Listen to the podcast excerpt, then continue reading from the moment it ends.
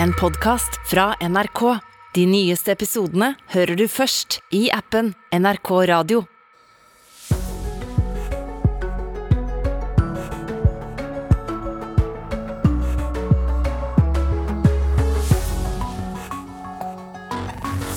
God tirsdag 29. november i dag. Dette er Nyhetsmorgen, og vi skal snakke bl.a. mer om dette.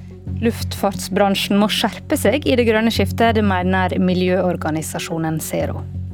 FN må endres eh, for å bekjempe overgrepsskandaler som i Sør-Sudan. Det sier tidligere FN-ansatt som nå er kritisk til systemet. And when these incidents come, come up, say, well, boys boys. And, you know, these are young soldiers.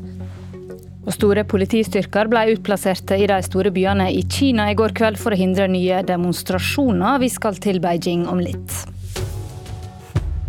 Og så skal vi også høre om tilskueren som stormet inn på banen med regnbueflagg under VM-kampen mellom Portugal og Uruguay i Doha i går kveld. Episoden har fått stor oppmerksomhet internasjonalt. Og vi denne tirsdagen er Ida Kjøstelsen og Katrine Nybø. Men først til luftfarten, som må sette opp tempo for å få fortgang i det grønne skiftet. Det mener leder for miljøorganisasjonen Zero, Sigrun Gjerløv Aasland. I forhold til andre transportmidler er luftfarten blant de siste. Luftfarten er jo faktisk et område hvor ingen har levert særlig mye. Eh, her ligger vi langt bakpå med å løse klimakrisen. Eh, vi vet at vi har teknologien til å ikke komme til null i 2030, men å kutte utslipp med mer enn halvparten innen 2030. Konsernsjefen i SAS, Anko van der Werf, mener de ikke ligger bakpå når det gjelder fornyelse og investeringer innenfor det grønne skiftet. Sure so Allerede i 2028 mener han at de vil være velkomne om bord i elflyene til SAS. Elflyene vil i første omgang bli stasjonert i Nord-Norge og Nord-Sverige, forteller han. I'm thinking Bodø, Umeå, Luleå, up north. Those would be the first areas you can look at. Ja, reporter her var Tor Albert Frøsland, og vi skal snakke mer om dette etter klokka sju. FN har et stort problem med seksuelle lovbrudd, og er bygd opp på en måte som gjør det mulig for FN-ansatte å komme unna når de bryter lova. Det sier varsler Rashna Wara, som har fått høre om NRK sine saker der norske offiserer sto bak flere seksuelle overtramp medan de var på oppdrag for FN i Sør-Sudan. Hun mener at FN må endres fundamentalt om de skal klare å unngå nye overgrep. And when these incidents come, come up, they say, well, boys are boys. And, you know, these are young soldiers. Når slik som dette skjer, så sier han ofte bare at eh, gutter er gutter. They're in, a, in an environment where women are extremely vulnerable. De er i et miljø hvor kvinner er ekstremt sårbare og villige til å bytte sex mot mat. Det er Rasnavara som snakker. Hun pleide å jobbe i FN, men har enda opp med å bli en krass FN-kritiker. Hun blir ikke overraska når hun hører om NRK sine saker om norske offiserer som kjøpte sex da de var på FN-oppdrag i Sør-Sudan. Flere av dem hadde også en seksuell relasjon til en lokal kvinne som jobba i den norske leiren i Sør-Sudan. Rasnavara vet at det også finnes langt verre historier i FN-systemet. You know, also been a lot of sex for food scandals in these camps. Det har vært mange sex for mat-skandaler i flyktningleirer og i konfliktsoner som Kongo, Liberia og Haiti, sier Rasnavara, som kaller seg eh, en ufrivillig varsler. Hun erfarte å bli fryst ut da hun varsla om uverdige forhold, da hun jobba i FN. Et av temaene hun er opprørt over, er at FN-tilsatte eller FN-soldater ikke kan straffes om de f.eks. utfører seksuelle overgrep. No protections for the population and they can get away with anything. Literally. There is not one peacekeeper that I know of who has either been court martialed or prosecuted. Vara sier at hun ikke vet om en eneste fredsbevarende soldat for FN som har blitt stilt for en domstol, og dermed vil slike hendinger fortsette å skje, mener hun. FN-toppen Christian Saunders sier at straffefridommen som FN-tilsatte nyter, er en del av problemet. Han er den som har pekt ut av FNs generalsekretær og har gitt ansvar for å unngå nye sexskandaler. Men han mener at en stor del av problemet også er at det i en del land fortsatt er slik at en kan komme seg unna med seksuelle båtsverk. We don't have any direct authority over the country. We can advocate strongly, and we do advocate strongly. Selv om FN ikke har noe suverenitet over avsenderlandet, så kan vi forsøke å påvirke. Og det gjør vi også, sier Sanders. Han sier det er en stadig utfordring for FN at de opererer i mange land der folk er spesielt utsatte for overgrep, pga. fattigdom som gjør at folk godtar mye i bytte mot mat, en jobb eller penger. Sør-Sudan er et døme på et slikt land. Sonder sier at FN har tatt flere grep for å forsøke å stanse seksuelle overgrep, men at det fremdeles er en fare for at flere saker, slik som den med den norske offiseren i Sør-Sudan, kan skje også i framtida. Until we deal with the underlying issues which are to do with equality, power imbalances, economic opportunities, and the like, then I think it's expectable that we will we will see more of such cases. I mean, it's the biggest irony to find that human rights are being violated within the UN itself and that there is no accountability. Rasnavara synes det er toppen av ironi at FN-tilsatte bryter menneskerettene. Hun mener det trengs en reform som kan åpne for at FN-tilsatte kan stilles for retten, og hun oppmoder Norge og andre land som støtter FN aller mest, til å sette hardt mot hardt og holde tilbake penger om det ikke skjer noe bedring. Det var korrespondent Vegard Kjørum som hadde møtt FN-varsleren Rashnavara i Nairobi.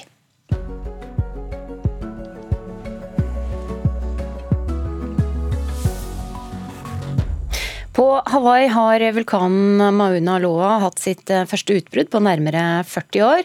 Eh, Mauna Loa er verdens største aktive vulkan, og foreløpig er det ikke fare for at lavastrømmene skal true bebyggelse, men nødetaten er i beredskap og situasjonen følges tett. Det har dødd 10% flere mennesker i år enn på samme tid i fjor her i landet, og dette skaper kø hos gravferdsbyrået. I Trondheim har økningen vært på hele 15% Dette kan delvis forklares med covid, og pårørende må belage seg på å vente lenger før de får gravlagd sine. Republikanske tjenestemenn i et landlig distrikt i Arizona nekter å godkjenne valget i november, på tross av at ingenting tyder på feil i opptellingen. Administrasjonssjefen i delstaten truer nå med å trekke fylket for retten om de ikke godkjenner resultatet innen fristen. Flere sentrale republikanere kritiserer tidligere president Donald Trump for at han var vert for en middag der holocaust-fornekteren Nick Fuentes var gjest. Med på middagen på Trumps private eiendom Mar-a-Lago var også rapperen Kanye West, som også har gitt uttrykk for jødefiendtlige holdninger. Når det offentlige skal innføre nye medisiner, så blir det lagt mye vekt på hva medisinen koster. Det sier legemiddelselskapet Roche, som nå forhandler med sykehusinnkjøp om medisin til voksne pasienter som har sykdommen spinal muskelatrofi. 60 voksne pasienter venter på å få bruke en medisin som vil bremse utviklinga av sykdommen. Fjerne stolen her, den på hjørnet her. Med et par fingre på hver spak svinger Ola Skrøder Røyseth den elektriske rullestolen rundt i bedriften han driver. Han har spinal muskelatrofi, en sykdom som gjør at musklene sakte svinner hen. Nå venter han som en av 60 voksne pasienter på å få en medisin som gjør at sykdommen bremser utviklingen. Men forhandlinger om bl.a. pris mellom sykehusinnkjøp og legemiddelselskapene trekker ut. Du befinner deg i limbo, da, for du vet ikke hva du skal planlegge for. Og når vi da ikke kan forholde oss til verken et ja eller et nei, men et vent, i 2018 fikk unge under 18 år medisinen, også etter forhandlinger om pris, men voksne måtte vente. Prisen var for høy og dokumentasjonen ikke god nok. Nå vil han bare ha et svar. Det har vært lettere å forholde seg til et nei, faktisk. Ja, hvorfor det? Vi som har SMA, vi har en, en tidshorisont. Vi vet at uten behandling så har vi et diagnoseforløp som kommer til å gå én vei. Eh, du kommer til å bli dårligere, du kommer til å miste funksjoner. Det var lettere å leve med når det ikke var et alternativ. Det er to legemiddelselskaper som lager medisin til SMA-pasienter, Biogen og Roche. Statens legemiddelverk har vurdert at medisinene også kan ha effekt på voksne, men de vurderer det ut fra et kost-nytte-perspektiv. De mener prisen er for høy, selv om medisinen har effekt. Kommunikasjonssjef Erlend Brekke Eng i Roche sier de opplever at prisen ofte vektlegges høyt. Hvordan de enkelte kriteriene vektes opp mot hverandre fra gang til gang, kan være ulikt. Vi opplever at pris ofte tillegges veldig, veldig stor vekt. Den åpne prisen på medisin fra Roche er på 2,7 millioner kroner, men de har inngått en avtale om medisin til barn til en lavere, hemmelig pris. Det er denne Statens legemiddelverk mener fortsatt er for høy for voksne. Veldig glad for at vi kom i land med en pris til barna, som ble vurdert som akseptabel. Og så forhandler vi nå om en pris for voksne, og der er situasjonen ganske ulik. Vi har gått ned i pris, det er derfor vi sitter i forhandlinger i dag. Andre land i Europa har eh, landet på at dette er en pris man kan akseptere også for voksne. Eh, I Norge forhandler vi, og vi tror vi skal komme i land.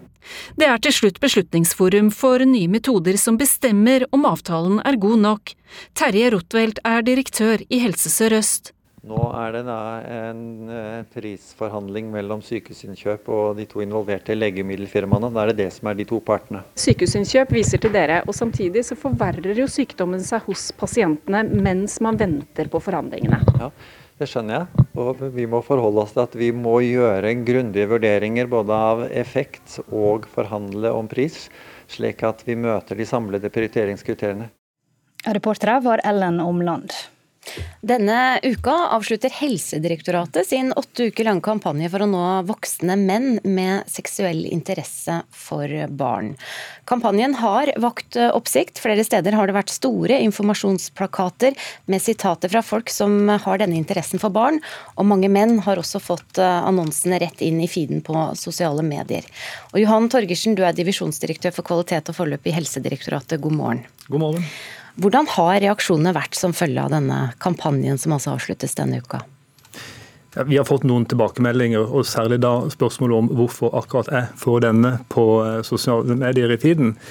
Og Da svarer vårt vært at eh, vi av hensyn til eh, de midlene vi har til rådighet for å bruke på, på reklame, så har vi måttet velge noen grupper. Så har vi valgt en gruppe da, menn mellom 18 og 35 hvor vi mener at det har mest effekt å få dette tydelig fram. Mm. Men så har kanskje plakaten også uh, vakt litt oppsikt når man har sett det på kjøpesentre eller andre steder rundt omkring. Har dere fått noen reaksjoner på nettopp det? Ja, altså Vi var veldig klar over at uh, dette var en kampanje som kom til å skape diskusjon. og Vi diskuterte det nøye og grundig internt hos oss i Helsedirektoratet. Og kom egentlig å stå veldig trygt i at uh, de reaksjonene, det ubehaget noen føler av å se dette, det er på en måte prisen betaler for at vi når ut og forhåpentligvis oppnår det som er formålet med dette, og det er å forhindre overgrep mot barn. Jeg har flere voksne med eh, slike tanker tatt kontakt med dere? Ja, vi har sett en ganske markant økning i tiden etter kampanjen starta, sammenlignet med tiden før. Ca. dobbelt så mange har tatt kontakt de eh, seks siste ukene etter kampanjen, sammenlignet med tida før. Er det overraskende at det er eh, såpass mange? Ja, Vi hadde jo den kampanjen i fjor også. Da så vi også en økning, men kanskje ikke like mye. Jeg syns det er veldig bra at vi ser det. Og så ønsker vi fremdeles at enda flere tar kontakt. Hva kan det skyldes at uh, såpass mange tar kontakt etter en uh, sånn kampanje? Nei, altså Det å rette en kampanje mot eh, personer som har seksuell interesse for barn, da er du inne på et ganske vanskelig tema. Noen syns noen blir støtt av temaet, noen det er stigmatiserende, det kan være vanskelig å forholde seg til. Eh, og det er nok mange som har de følelsene, som tenker at dette må jeg bare holde for meg sjøl og, eh, og, eh, leve med, og prøve å ikke ta handling på det. De som da ser at det faktisk er mulig å få hjelp til at man ikke, eh, ikke omsetter en tanke eh, om eh, seksuell interaksjon med barn til handling. Det er jo det hele dette handler om. Og det er viktig å si at Kampanjen er jo til for en helsetjeneste som er utvikla, slik at man faktisk kan få hjelp. Mm -hmm. Men vi hører samtidig om lange køer når det gjelder folk som generelt sliter psykisk i samfunnet. Mm. Tar ikke dette tilbudet ressurser bort fra eh, disse andre? Det er helt klart en prioritering også, når man velger å etablere dette tilbudet. På den ene siden så er det ikke de store massene det er snakk om her. Altså Vi har behandla i størrelsesorden 150 mennesker, eller det er 150 personer som har vært innom dette behandlingstilbudet siden det ble starta i 2020. 75 eh, per år. Eh, så det gjør ikke det store kvantitative innhugget i tjenesten. Men, men det er en prioritering. På den andre siden så ønsker vi jo ved å forebygge overgrep mot barn, seksuelle overgrep mot barn, som jo vi vet vil utløse betydelig mer helsetjenester innenfor psykisk helsevern hvis det skjer, hvis de opplever det. Ja, Kan man vurdere om man har klart å forhindre overgrep med kampanjen? Nei, Per nå så kan ikke vi konkludere med det. ikke sant? Altså, Det er ikke så mange som har vært gjennom eh, behandlingen ennå. Men eh, vi, tilbakemeldingene fra de som har vært innom behandlingen, de sier at nå opplever de eh, mer mestring i forhold til å håndtere sine eh, følelser. Og klarer å stå med i det. Og de mener selv at de har fått verktøy for å ikke omsette denne interessen over i handling. Da. Og Kampanjen har kosta nesten 8 millioner kroner. Er dere fornøyd med hva dere har eh, fått til?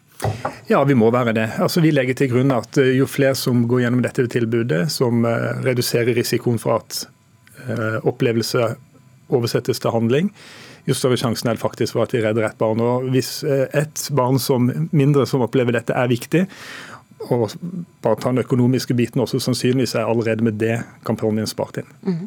Takk skal du ha, Johan Torgersen, som altså er divisjonsdirektør for kvalitet og forløp i Helsedirektoratet. Takk til dere. Klokka er 6.46. Dette er NRKs Nyhetsmorgen. Og vi har hørt at luftbransjen, luftfartsbransjen må skjerpe seg i det grønne skiftet. Det mener miljøorganisasjonen. Vi skal ha elfly i lufta om fem år. Det sier eh, SAS-sjefen. Norske tegneserier er inne i en gullalder. Flere av bibliotekene i landet merker stor økning i interesse. Og hvis du blir med oss videre, så skal du få treffe en av dem som søkte om å bli Europas nye astronaut. Men først til tilskueren som stormet inn på banen med regnbueflagg under VM-kampen mellom Portugal og Uruguay i Doha i går kveld. Selv om TV-kameraene ikke viste så mye av stormingen, fikk episoden stor oppmerksomhet. Ja, så er det en tilskuer som er ute på banen her med et regnbueflagg. Han mista regnbueflagget ute på banen, og dommeren tok hånd om det. Han ble ført ut av vaktene og får nok ikke komme inn på flere kamper i VM. Hadde på seg en skjorte med påskriften 'Respekt for iranske kvinner' og 'Redd Ukraina'. Ja, er tung symbolikk, og publikum buer mot vaktene som fører ut denne karen. Det var jubel da han kom innpå. Det kan vi like uten å bli altfor politisk her. Kampen mellom Portugal og Uruguay ble spilt på Lusail stadion. Det er den største av VM-arenaene i Qatar, med plass til 80 000 tilskuere, så han fikk stor oppmerksomhet. Portugal vant til slutt 2-0 og er videre. Ja, NRKs kommentatorer i VM er Christian Nilsen og Carl Erik Torp, og reporter her var Pål Thomassen. Den europeiske romfartsorganisasjonen ESA annonserte forrige uke hvem som blir Europa sine nye astronauter, de første siden 2009. To kvinner og tre menn er valgt ut. Det ble ingen nordmenn denne gang, men det var flere nordmenn med i søknadsprosessen. En av dem er deg, Terje Sel. Du er nevrokirurg, sjeflege i Luftfartstilsynet og medlem av ESA Medical Board. Velkommen til oss. Takk skal du ha. Aller først, er du skuffa over å sitte her og ikke oppe i verdensrommet? Ja, det er klart det. Jeg kjenner litt på ambivalensen. Ja. For jeg er jo naturligvis fornøyd med at jeg var blant de siste 1-2 promillene som sto igjen i oktober. Etter ett og et halvt år med masse tester og intervjuer. Men så er jeg litt skuffet over at det ikke ble noen romtur, til tross for at jeg på alle testene. Ja, fordi du kom jo videre til femte fase av totalt seks. Det er jo ganske bra. Ja, takk, takk. Fortell litt, hvordan, hvordan foregikk det? Ja, Hele seleksjonsprosessen varte i ett og et halvt år. Så Det startet i våren 2021 og ble delt inn i seks ulike faser. I den første fasen så var vi nesten 23 000 kandidater som ble vurdert på bakgrunn av et spørreskjema, motivasjonsbrev, CV osv. Og på bakgrunn av det så ble vi filtrert ned til 1400 kandidater, give or take. Og vi, Deretter var det fase to, hvor vi ble ble invitert til testing av ulike kognitive, motoriske og tekniske ferdigheter. Såkalte hard skills, som de kalte det. Og På bakgrunn av de testene ble vi redusert ytterligere til 400 kandidater. Og så kom fase tre, som var denne soft skills-fasen. Hvor fokuset var mer sosiale egenskaper, personlighet, kommunikasjonsferdigheter, teamarbeid osv. Etter den fasen så ble vi redusert til kun 90 kandidater. Og så var det den medisinske testuken som var veldig interessant. Så Den varte en uke. Da var vi da 90 kandidater som ble testet fra klokken 07.00 mandagsmorgen til 19.00 fredagskveld. Som var veldig omfattende, spesielt som lege. Så jeg synes det var interessant å gå gjennom så grundige tester. Eh, og vi var halvparten som besto de testene. Så da var vi nede i 40-50 eh, kandidater. Og vi var for så vidt klarert til å kunne bli astronaut. Men man må ytterligere ned, for de har begrensa med plasser. Så da gikk vi videre til fase fem, eh, som først besto et panelintervju, som ble holdt i september. Og nå vet jeg ikke nøyaktig hvor mange som passerte den. Jeg har fått tilbakemeldinger at den passerte den, da. Men antagelig var det kanskje 30-40 etter panelintervjuet. I oktober så ble det holdt et møte i det medisinske styret Eh, og Det var der min eh, reise sluttet. For Der var det noen medisinske forhold som noen vurderte lå i grenseområdet. Eh, og Når man er så nær slutten, så kan det være avgjørende. Mm. Og så var det senere i oktober så ja, var det fase seks, hvor da 17 kandidater ble plukket ut til å være enten astronaut, altså karriereastronaut, reserveastronaut eller parastronaut. Ja. Og Du nevnte det så vidt, motivasjonen. Hva er grunnen til at du drømmer om å bli astronaut?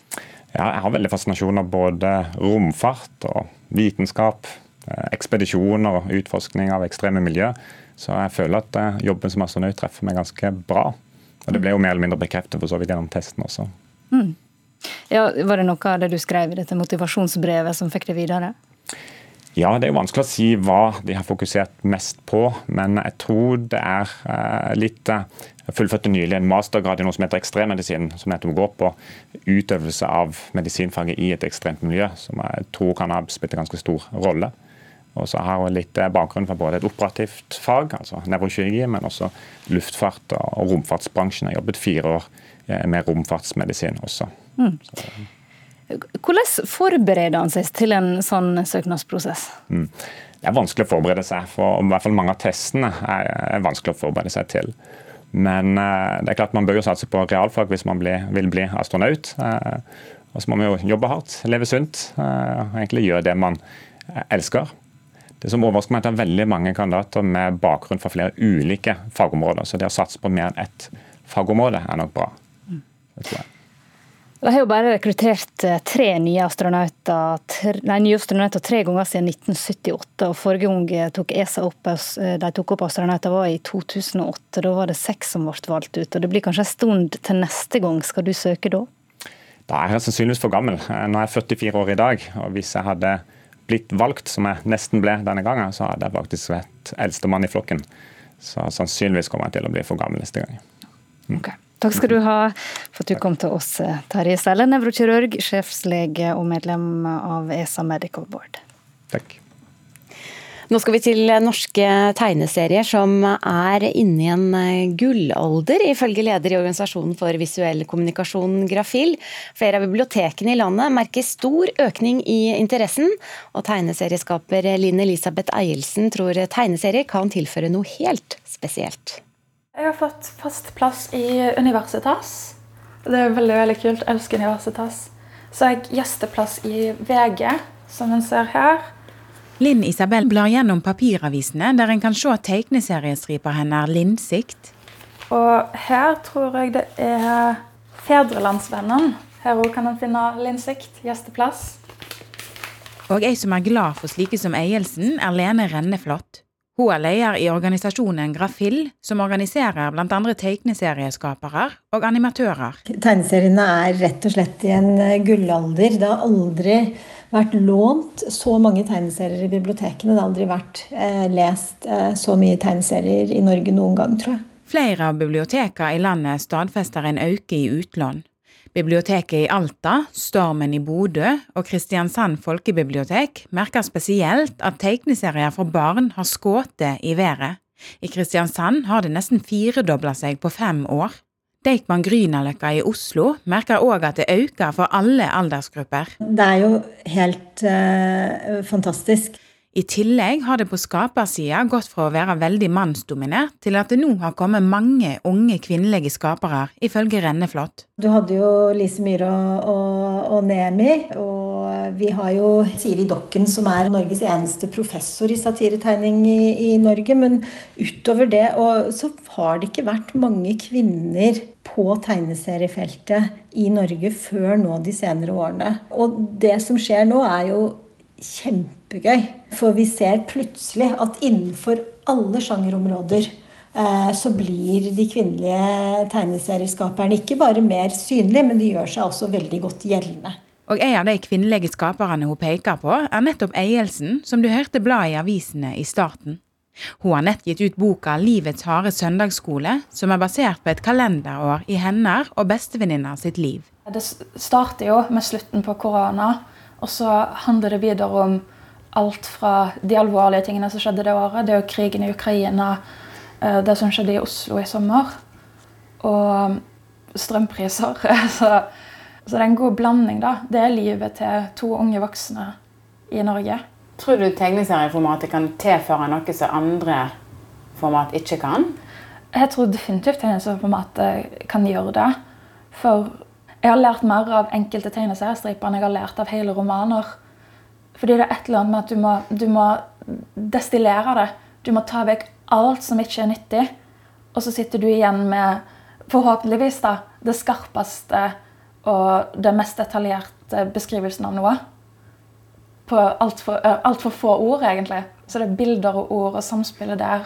Og det som skjer imellom rutene, er jo det leseren kan tolke sjøl. Altså, jeg ser bare uendelige muligheter med de rutene. Ja, reporter her var Ida Yasin Andersen. She don't believe in shooting stars, but she believe in shoes and cars. Wood floors in the new apartment. Couture from the store's departments. Ja, Noen har kanskje glemt det, men rapperen Kanye West lager faktisk musikk også en gang i tida. Men nå er det kontroversene han skaper vi skal snakke om. For denne gangen så skaper han overskrift etter at han har utvida staben sin, kulturreporter Menever Gildis. Ja, for eh, nå har 45-åringen ansatt en eh, holocaust-fornekter, Nick Fuentes, for å drive valgkamp for eh, han. Ja, Hva vet vi om denne Fuentes? Eh, Fuentes er mye, i hvert fall ifølge Wikipedia. Han er en 24-åring eh, og er eh, høyreekstremist. Og han var YouTuber frem til februar 2020, før kanalen hans ble lagt ned av YouTube pga. hatprat. Og han definerer seg også seg selv som en, et medlem av incel-bevegelsen. Så kan jeg legge til at han også var en av dem som var med på stormingen av Kongressen i januar. Og så ta, nå tar han eh, fri fra alt det han driver med, eh, for å bistå Kanye West med hans kampanje for, eh, for å stille som presidentkandidat. Og Kanye West eh, har allerede tatt med seg Fuentes på noen besøk, bl.a. et eh, middagsbesøk hos eh, tidligere president Donald Trump i Florida for et par dager siden, noe Trump fikk veldig mye kritikk for. Men den tidligere presidenten forsvarte seg med at han ikke kjente til Nick Fuentes. Fuentes. Ja, og med det her så er det altså klart at eh, West stiller som presidentkandidat igjen. Ja, det gjør han. For bare en uke siden kunngjorde West at han eh, vil forsøke, forsøke, seg på Det hvite hus, eh, og at han stiller som presidentkandidat. Det er ikke første gangen. Han stilte også i 2020, men fikk da bare 60 000 stemmer i tolv del, delstater. Til sammenligning så fikk Joe Biden 81 millioner eh, stemmer, og Donald Trump fikk da 74 millioner stemmer. West har også rukket å spørre sistnevnte om han vil bli hans visepresident på den, eh, ja, den middagen vi nå har snakket litt om. Ja, Hva svarte Donald Trump på det tilbudet? Det falt absolutt ikke i god jord hos den tidligere presidenten. Og ifølge Kanye West eh, selv begynte Trump å skrike til ham over bordet og ropte at han ville bli en taper. Ja, ok. Takk skal du ha, kulturreporter Munever Gildis. Og klokka nærmer seg sju. Vi skal slippe til siste nytt eh, straks. Etter det så skal vi jo høre bl.a. at store politistyrker ble utplassert i de største byene i Kina i går kveld for å hindre nye demonstrasjoner. Disse demonstrasjonene kommer jo som følge av strenge koronarestriksjoner i landet. Og vi skal til vår Asia-korrespondent etter nyhetene klokka sju. Fattigdom, bistand og klimapolitikk skaper fremdeles høydebry i forhandlingene mellom regjeringa og SV om neste års statsbudsjett. Om to døgn er absolutt siste frist for å komme i mål. En podkast fra NRK. Over hele verden skjer det merkelige ting på himmelen som like gjerne kunne vært henta fra science fiction. Ufo-observasjoner, konspirasjoner og hemmelighold. Hva i all verden er det som skjer der ute? Å, fy fader! Jeg filmer det! Jeg har det på tape! Jeg heter Line Elfsåshagen og jakter på det ukjente. Ukjent hører du kun i appen NRK Radio.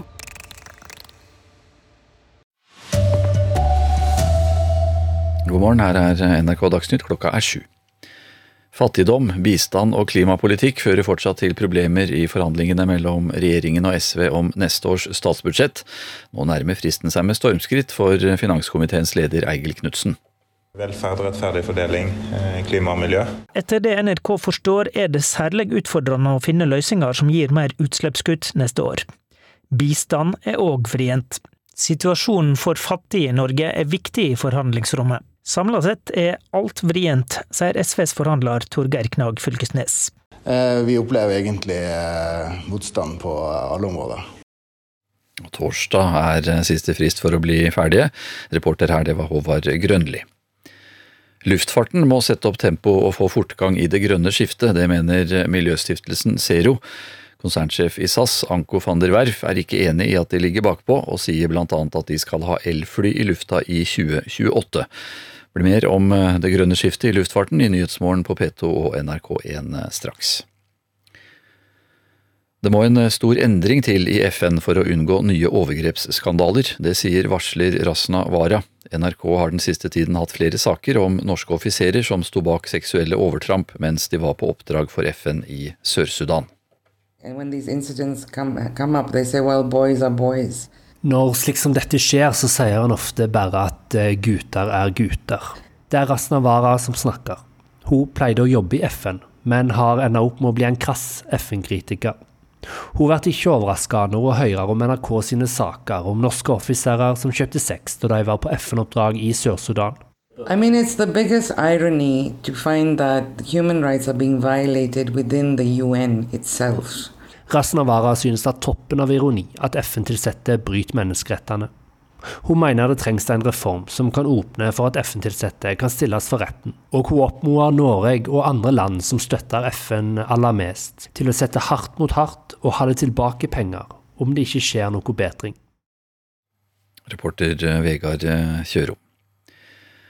Den kjente filmprodusenten Harvey Weinstein nekter å avgi forklaring i den pågående rettssaken mot ham i Los Angeles. Det sier 70-åringens forsvarer, ifølge magasinet Variety.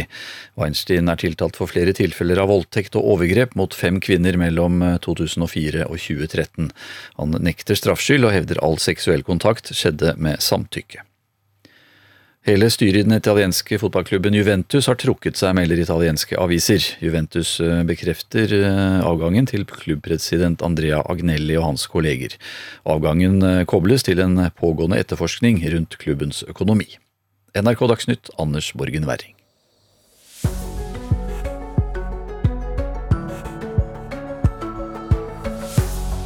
Ja, Nyhetsmorgen fortsetter her i NRK. Klokka har passert sju med tre minutter, og vi skal bl.a. snakke mer om dette den neste halve timen.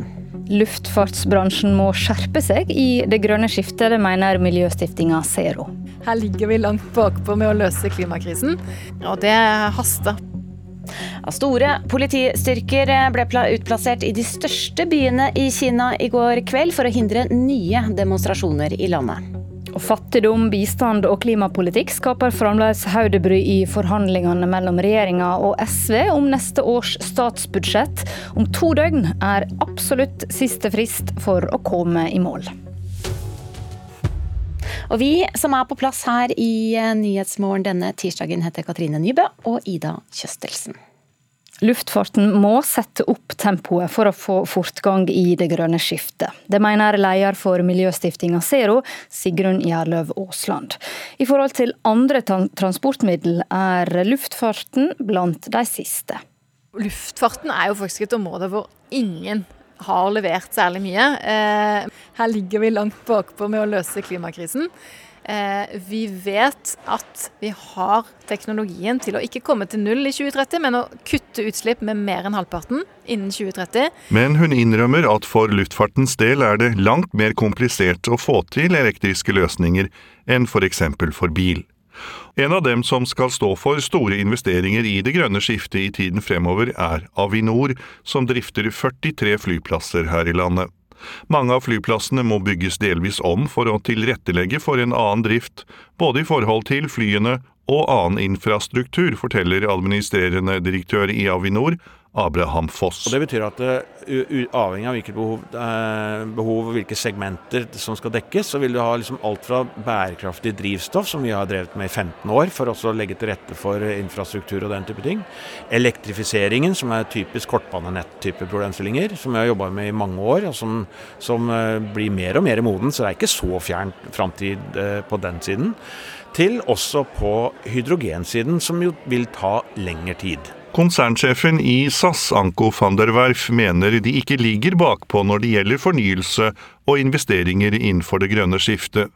I SAS har de innledet samarbeid med den europeiske flyprodusenten Airbus for å få nye fly som skal fly på hydrogen, og svenske Heart Aerospace for nye elfly.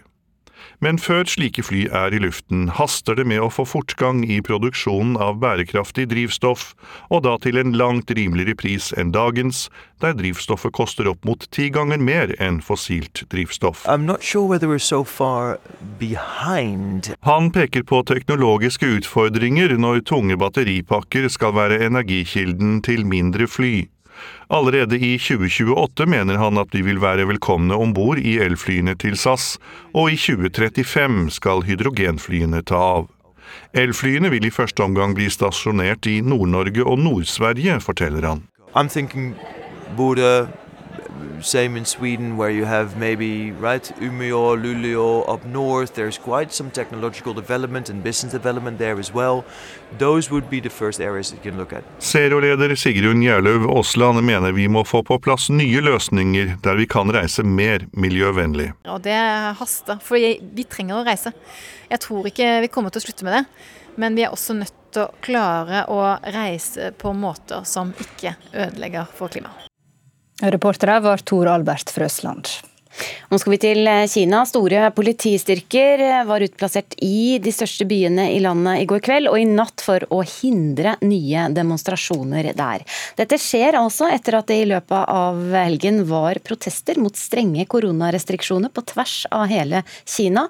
Og Asia-korrespondent eh, Philip Lote, du var ute i Beijing i går kveld.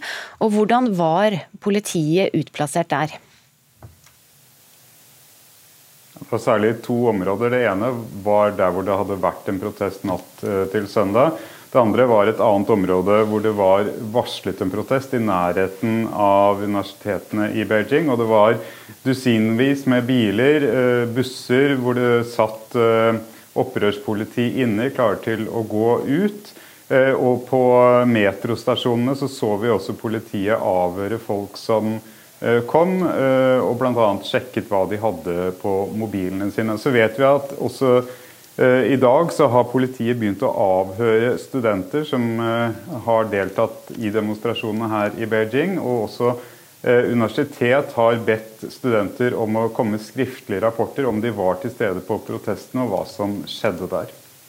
Og Hva har dette ført til? Har det vært nye demonstrasjoner etter at politiet er såpass synlige? Det virker som om eh, det politiet har gjort, det myndighetene har gjort, har eh, vært ganske effektivt. Det var ingen nye protester i eh, Shanghai eller Beijing som vi vet om, men i Hangzhou, som er en stor by på østkysten, så var det en mindre protest. Men politiet var såpass mannsterkt til stede også der at den ble avsluttet ganske raskt. Én person skal ha blitt pågrepet, og de andre demonstrantene skal ha forsøkt å få han løslatt, men ikke, vi vet ikke om de lykkes med det. Ja, så sa du også at de som har protestert, mange av dem har vært studenter, unge mennesker. Hva skjer rundt på universitetene nå? Ja, det har Vi fått vite i dag. Vi har sett et notat som uh, kommer fra Tsinghua-universitetet, eliteuniversitetet i Beijing, hvor protestene startet på lørdag. Uh, de har nå satt opp busser for å sende studentene til hjemstedene sine. og Begrunnelsen er de samme koronarestriksjonene som disse studentene da protesterte mot. De sier at for å ta bedre vare på deres liv og helse, så vil de bli sendt hjem. Campus og universitetene er uansett stengt ned, og undervisningen er digital. Eh, og da har studentene fått eh, utdelt eh, rutetider for når de kan dra til de ulike flyplassene, togstasjonene, busstasjonene. Og så er de jo nøye på å understreke at bussene vil gå fra inne fra universitetsområdet, fordi at det vil risikere redusere risikoen for kontakt med andre. Og universitetsområdene er jo da stengt for andre som da ikke kommer inn. Så Eh, det er da eh, et svar i smittevernstidens eh, tegn på hvordan myndighetene håndterer dette her. Har det kommet andre reaksjoner også fra myndighetene? Ja, de forsøker nå å begrunne eh, hvorfor de har denne smittevernpolitikken. og Folkets Dagblad, som er da et talsrør for myndighetene, har en leder i dag hvor de sier at det nå er viktigere enn noensinne å eh, følge smittevernreglene. Eh, men de hadde også en annen artikkel som prøvde å forklare økningen i smitte med at eh, testregimet ikke følges godt nok opp, og bl.a. av private aktører.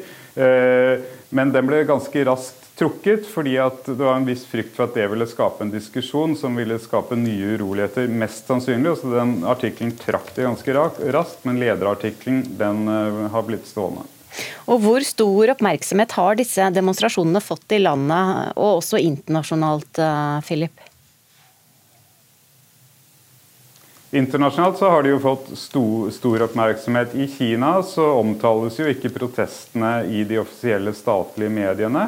Eh, de blir da eh, delt på sosiale medier. Det er en, et kappløp med sensuren, da, som etter hvert forsøker å slette de på de kinesiske sosiale plattformene så vet vi at mange av de som har demonstrert, har brukt eh, vestlige sosiale medier som de da logger seg på via VPN-apper, altså eh, apper som gir en tilgang til internett utenfor Kina. Eh, og da er det særlig Telegram de har brukt, noe Twitter. Og politiet, når de stopper folk og har avhørt folk, så har de bedt om å få sjekke mobilene deres for å se om de har disse appene. Og en av studentene som eh, har blitt bedt om å forklare seg for sitt eget universitet, hun sa anonymt til nyhetsbyrået Reuters at det er mange studenter nå som litt sånn febrilsk og desperat forsøker å slette chattehistoriene sine. Ja, takk skal du ha, Asia-korrespondent eh, Philip Lote, som også er på plass i Beijing. Fattigdom, bistand og klimapolitikk gjør det vanskelig i forhandlingene mellom regjeringa og SV om neste års statsbudsjett. Om to døgn er den absolutt siste fristen for å bli enige, men i går var forhandlerne fremdeles ikke sikre på om de kommer i mål, eller når de kommer i mål. Det får vi se på. Sa SVs mann i forhandlingene i går. Regjeringa sitt budsjettforslag kom i oktober. De må skaffe flertall på Stortinget før det blir vedtatt i desember. Derfor diskuterer nå regjeringspartiene Senterpartiet og Arbeiderpartiet forslaget sitt med SV. Eigil Knutsen fra Ap sier det er store ting til diskusjon. Velferd, rettferdig fordeling, eh, klima og miljø. SV var glad for at Equinor skrinla utbygginga av oljefeltet Wisting i Barentshavet nylig. Men partileder Lysbakken lova i en partitale før helga at de har flere miljøkrav. Så har vi nok av eh, miljøkrav å ta av, så eh, det er tema likevel. Etter det NRK forstår er det særlig utfordrende å finne løsninger som gir mer utslippskutt neste år. Bistand er òg vrient. Regjeringa er mot SVs forslag om et bistandsfond basert på ekstra gassinntekter i år. Situasjonen for fattige i Norge er viktig i forhandlingsrommet. Det er den dagen jeg sitter i sofaen under pledd uten varme på. Det ser ut til å være noe lettere å bli enige om bedre velferdsytinger. Problemet er å finne pengene til å betale for det. I fjor flytta SV på ca. 6 milliarder i budsjettavtalen.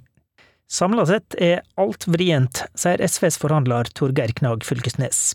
Eh, vi opplever egentlig eh, motstand på alle områder. Og mens de diskuterer, går klokka mot absolutt siste frist for Stortinget torsdag morgen. Dess nærmere fristen du kommer uten en endelig løsning, så er det jo selvfølgelig større sjanse for at det faktisk blir gjort feil. Altså dårlige vedtak og eh, feil vedtak. Det sier FrPs finanspolitiker på Stortinget, Roy Steffensen. Og feil skjedde faktisk i fjor. Og ved en inkurie så ble det feil i to av rammene. Arbeiderpartiets Eigil Knutsen måtte be Stortinget rette opp et vedtak. Nå er fristene brutt eh, nok en gang. Eh, og Det fører til at det blir en dårlig behandling i eh, Stortinget. Rett og slett fordi at både vi som opposisjonspartier, men òg de som blir berørt av de vedtakene som de nå, blir, nå fatter, ikke får nok tid til å se gjennom det de blir enige om. Men Senterpartiets forhandler Geir Pollestad er ikke særlig bekymra nå i år når han får dette spørsmålet. Er det uproblematisk at en ikke er i mål ennå? Eh, ja, det vil jeg si. Reportere var Kristian Skolasmo og Håvard Grønli. Et lite parti får plass i Politisk kvarter i dag, programleder Lilla Sølhusvik. Ja, du har kanskje hørt om det nye Industri- og Næringspartiet? Ja, så vidt. ja, De hevder i hvert fall nå at de har flere medlemmer enn partiet Venstre. Altså partiet, eh, Landets yngste parti og har flere medlemmer enn landets eldste parti. De profilerer seg jo bl.a. på å utvikle, ikke avvikle olje- og gassindustrien. Og så eh, er det sånn da at de har eh, vedtatt noen vedtekter som eksperter i Stavanger Aftenblad har sett på. Og da har de fått dommen både autoritært og udemokratisk parti. Og hvorfor det? Det er bl.a. fordi de har en leder som er valgt for eh, seks år. Han har utpekt sentralstyret, og det er sentralstyret som bestemmer hvem som skal representere partiet lokalt. Og så sier partilederen som skal være med oss i dag, at det, dette er jo fordi det er et nytt parti, de må ha kontroll over hvem som skal representere dem. Mens um, Trond Birkedal, som er ekspertkommentator i eh, Stavanger Aftenblad bl.a., han kaller dette partiet for et sekterisk enkeltpersonforetak, intet mindre. Mm. Om en liten halvtime så er du på plass kvart på åtte som vanlig. Takk skal du ha.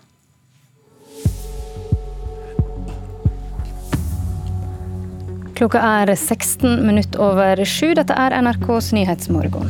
Ja, vi har hørt at eh, luftfartsbransjen må skjerpe seg i det grønne skiftet. Det mener miljøorganisasjon. Vi skal ha elfly i lufta om fem år, sier eh, SAS-sjefen.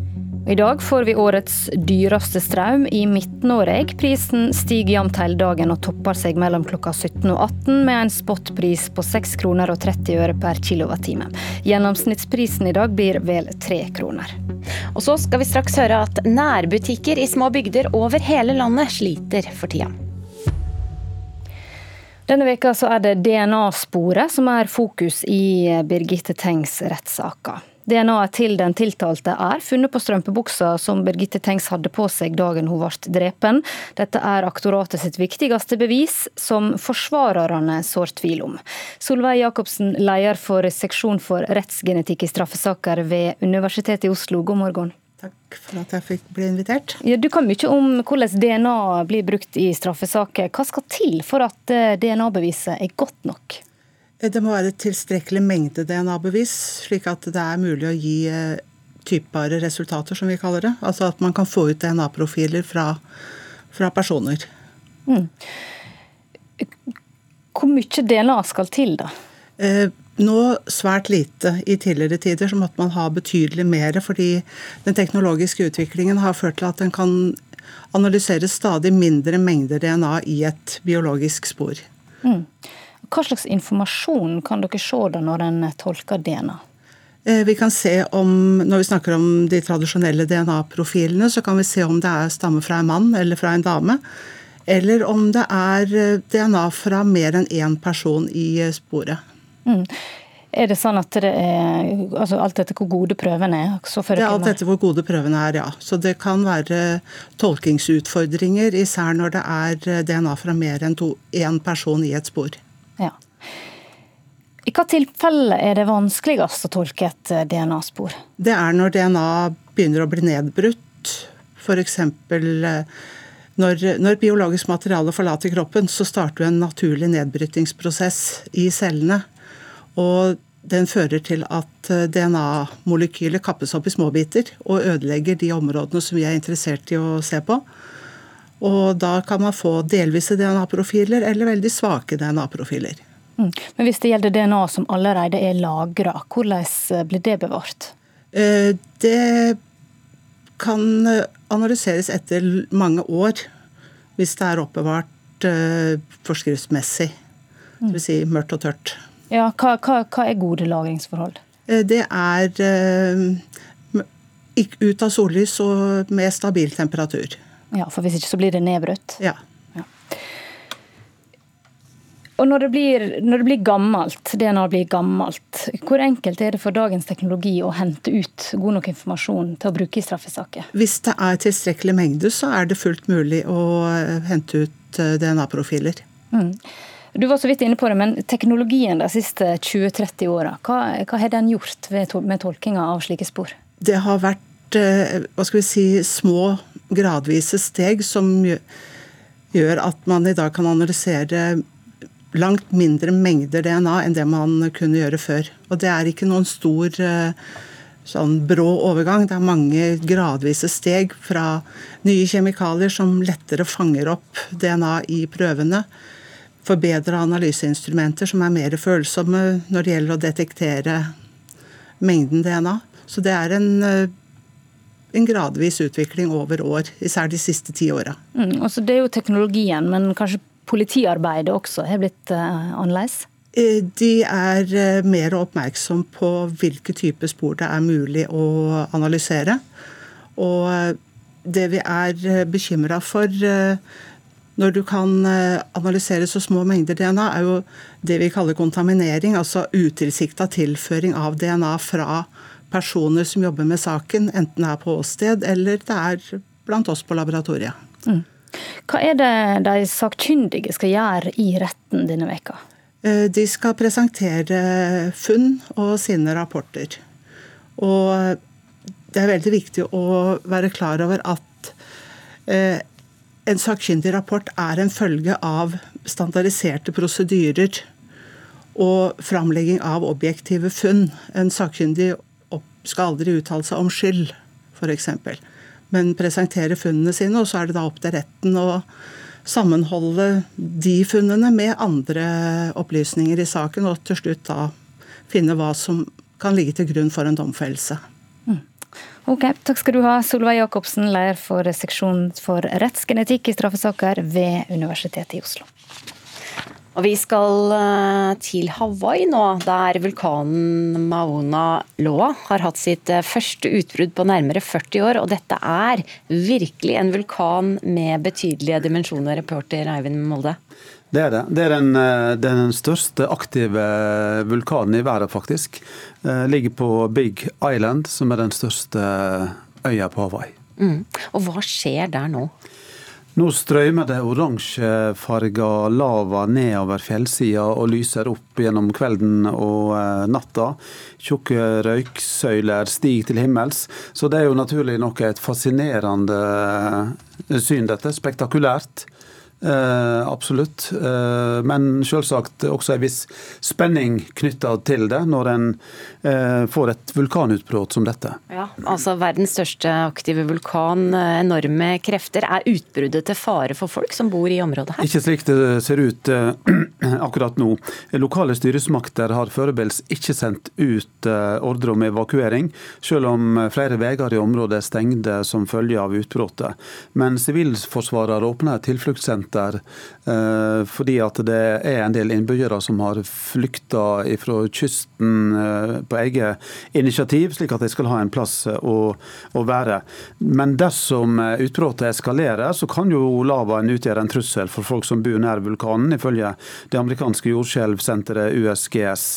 Eh, alle de 200 000 som bor på øya, har fått beskjed om å være klare til å evakuere dersom det skulle være aktuelt å ha en ferdigpakka bag med matvarer og finne en plass der de kan oppholde seg dersom det skulle være nødvendig. Og Som vi vet så kan jo lavastrømmene endre retning veldig raskt. så det gjelder å være observert, for ting kan endre seg veldig kjapt. Mm. Og Nå har det også vært stille for denne vulkanen i 38 år. Hva mer kan du si om denne vulkanen? Det er en av fem vulkaner som utgjør The Big Island, som er den sørøstligste av de store øyene på Hawaii. Eh, Mauna Loa er vel 4000 meter høy. Det er ikke den høyeste, men altså den største. Og den legger beslag på rundt halvparten av arealet på eh, øya. Den har hatt 33 utbrudd siden 1843, og nå skjedde det altså igjen. Takk skal du ha, reporter Eivind Molde. Nærbutikker i små bygder over hele landet sliter for tida. I Kvisvik i Tingvoll i Møre og Romsdal er Elise Finnøy Kvisvik ikke sikker på om hun kan holde fram med drifta si om ikke tallet på kunder i butikken hennes går opp snart. Men etter at hun ba om hjelp, så har bygdefolket svart. Else Finnøy Kvisvik stabler knekkebrød i hyllene i butikken sin, Matkroken i Kvisvik. Og en pose til, sikkert. Hei. Selv om det er en del kunder denne dagen, så går det ikke knirkefritt i nærbutikken. Nå er vi inne i en tøff tid av året, og um, omsetninga vår har gått dramatisk ned. Hvor alvorlig er det? Kan dere risikere å stenge?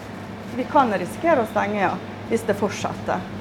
Så Derfor så gjør jeg jo det jeg kan. Jeg, da. Kvisvik tok til Facebook-sida til butikken og sa ifra til bygdefolket om at det sto dårlig til. Vi har fått reaksjoner fra mange folk da, som har eh, skrevet inn til oss da, hvor viktig vi er for dem. Og um, her er kommet folk som ikke har sett før og etterpå og handla. I tillegg så det, viser det jo seg det at det er jo ikke bare oss det gjelder. Det gjelder jo andre nærbutikker òg. Og der har jo det vært butikksjefer som har gitt uttrykk på det da, på det innlegget. At det ikke bare er nærbutikken i Kvisvik som sliter, bekrefter Steinar Fredheim. Han er fagansvarlig for Merkur-programmet. Et program som hjelper små, lokale butikker å finne måter de kan tjene penger på. Kundegrunnlaget er jo ofte utfordrende for mange av dem. Det å drive butikk i dag i ei lita bygd med et lite kundegrunnlag, det er ganske krevende. og ikke minst når vi ser på den kostnadsøkningen som har kommet siste året. Sant? Strømkostnader, råvarekostnader, lønnskostnader går rett opp. og Det er veldig vanskelig for disse butikkene å hente dette inn igjen gjennom å øke prisene på, på varene som vi skal kjøpe. I butikken er det også en kafé, og der sitter Åse Fevåg og Alfhild Strømmen og drikker kaffe. Nei, vi handler, og så sitter vi her og jobber. Hvor viktig er matkroken Kvisvik for deg, da? Jo, det er viktig kort vei ifra dere bor. Vi er ei lita bygd, og vi trenger butikken. Hvorfor er butikken så viktig? Ja, Det er nå her vi treffes. Vi har ikke så mange andre møteplasser. Butikksjefen håper at mer lokal handel kan være med å redde butikken. Da vil en redde både kafeen, puben, quizen, postkontoret og alle de andre tilbudene som er her. Prisene har jo økt på matvarene. Og eh, i tillegg, så, sånn som her i bygda, er det vel mange som jobber eh, andre plasser enn i Kvisvika. da, Som gjør at de kanskje handler på veien, og kanskje heller kunne ha tenkt at vi kjører til Kvisvika og bruker oss. En grunn til å glede seg kom inn dørene noen dager etter hun la ut innlegget. Solbjørg Varpe Nålsund og Sanitetskvinnene skal handle mat til trengende i kommunen for 40 000 kroner, og den skal de handle i Kvisvik. Helt fantastisk er det. Det, er, det var stor glede, var det. Vi er inne i en tøff tid av året. Og akkurat sånn som det har vært nå, eh, framover nå, så har jeg på en måte ja, sett på tallene dag for dag. Og når de kom denne dagen og fortalte meg at jeg skulle bruke 40 000, da ble jeg glad. Det var nesten så jeg slapp en tåre. ja. Jeg, så, jeg så det, Lisa, at du var det. Ja. Mm. Gleder du deg eller gruer deg til julehandelen din? Jeg er jo en positiv person, da, så jeg gleder meg. Det gjør jeg. Ja, reporter i denne saka var Roar Strøm og Mari Åndal Kippernes. Ja, og Klokka nærmer seg 7.30, vi skal få Dagsnytt eh, etter hvert. Men etter det så skal du få høre om aktører fra flere europeiske land som nå jobber med å finne ut hvordan klimaendringer og ekstremvær vil påvirke kulturminner i framtida. Undersøkelsene gjøres bl.a. på et tak i Tønsberg. Og så, etter åtte, så skal vi høre at fram mot jul foldes Håkon Blekens meditasjoner over Dantes helvete 32 akvareller og 15 seriegrafier ut gjennom to utstillinger i, og en stor bokutgivelse. Sjøl skildrer Bleken dette her som hans viktigste prosjekt noensinne. Vi skal også snakke mer om Kina, og så skal vi snakke med en av de som bor i Doha, og som opplever fotball-VM på nært hold. Men før alt dette, så skal vi ha Dagsnytt.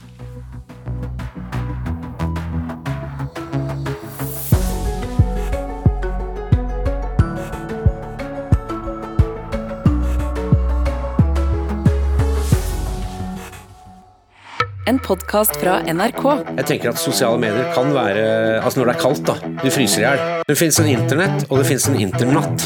Ok, Velkommen til Trygdekontoret. Det har lenge tenkt sånn at som ateist så må jeg bare prøve å bli med en sekt. altså. Jeg elsker å lage fest, f.eks. Så en god sekt forlenger livet? Ja, det gjør det.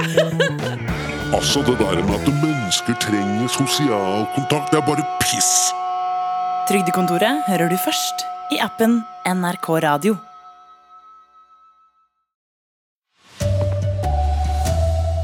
Luftfartsbransjen må skjerpe seg i det grønne skiftet, mener Miljøstiftelse. Vi skal ha elfly i lufta om fem år, svarer SAS-sjefen. Store politistyrker utplasseres i kinesiske byer for å hindre nye demonstrasjoner. Og norske tegneserier opplever en gullalder. Det har aldri vært eh, lest eh, så mye tegneserier i Norge noen gang, tror jeg. Her er eh, NRK Dagsnytt, klokka er 7.30. Ja, luftfarten må sette opp tempo og få fortgang i det grønne skiftet. Det mener leder for miljøstiftelsen Zero, Sigrun Gjerløv Aasland. Luftfarten er jo faktisk et område hvor ingen har levert særlig mye. Eh, her ligger vi langt bakpå med å løse klimakrisen. Men hun innrømmer at for luftfartens del er det langt mer komplisert å få til elektriske løsninger enn f.eks. For, for bil. En av dem som skal stå for store investeringer i det grønne skiftet i tiden fremover, er Avinor, forteller administrerende direktør i Avinor, Abraham Foss. Og det betyr at uh, avhengig av hvilke behov, uh, behov, og hvilke segmenter som skal dekkes, så vil du ha liksom alt fra bærekraftig drivstoff, som vi har drevet med i 15 år, for også å legge til rette for infrastruktur og den type ting. Elektrifiseringen, som er typisk kortbanenett-type problemstillinger, som vi har jobba med i mange år. Til også på hydrogensiden, som jo vil ta lengre tid. Konsernsjefen i SAS, Anko van der Werf, mener de ikke ligger bakpå når det gjelder fornyelse og investeringer innenfor det grønne skiftet. Sure so Allerede i 2028 mener han at de vil være velkomne om bord i elflyene til SAS, og i 2035 skal hydrogenflyene ta av. Elflyene vil i første omgang bli stasjonert i Nord-Norge og Nord-Sverige, forteller han. I'm thinking både same in Sweden, where you have maybe right Umeå, Luleå up north. Those would be the first areas you can look at. Reporter her, det var Tor Albert eh, Frøsland. Så til Kina. Politistyrker eh, var utplassert i de største byene der i går kveld og i natt for å hindre nye demonstrasjoner. Dette skjer etter at det i løpet av helgen var protester mot strenge koronarestriksjoner over hele Kina. Asia-korrespondent Philip Lotte, du var eh, ute i Beijing eh, i går kveld. Hvordan var politiet utplassert? Ja, det var store politistyrker, og særlig et område nær universitetene i byen. Og Der avhørte også politiet folk som kom til metrostasjonen, sjekket mobilene deres for å se om de hadde informasjon på de om eh, protestene. Ellers så har det vært ganske vellykket det politiet har gjort, sett med deres øyne. Det har ikke vært noen større demonstrasjoner som vi vet om. Det eneste stedet er i byen Hangzhou, en større by på østkysten, hvor det var en liten demonstrasjon som raskt ble oppløst, og hvor én person ble arrestert. Og så er det altså studenter som eh, utgjør eh, mange av de som protesterer.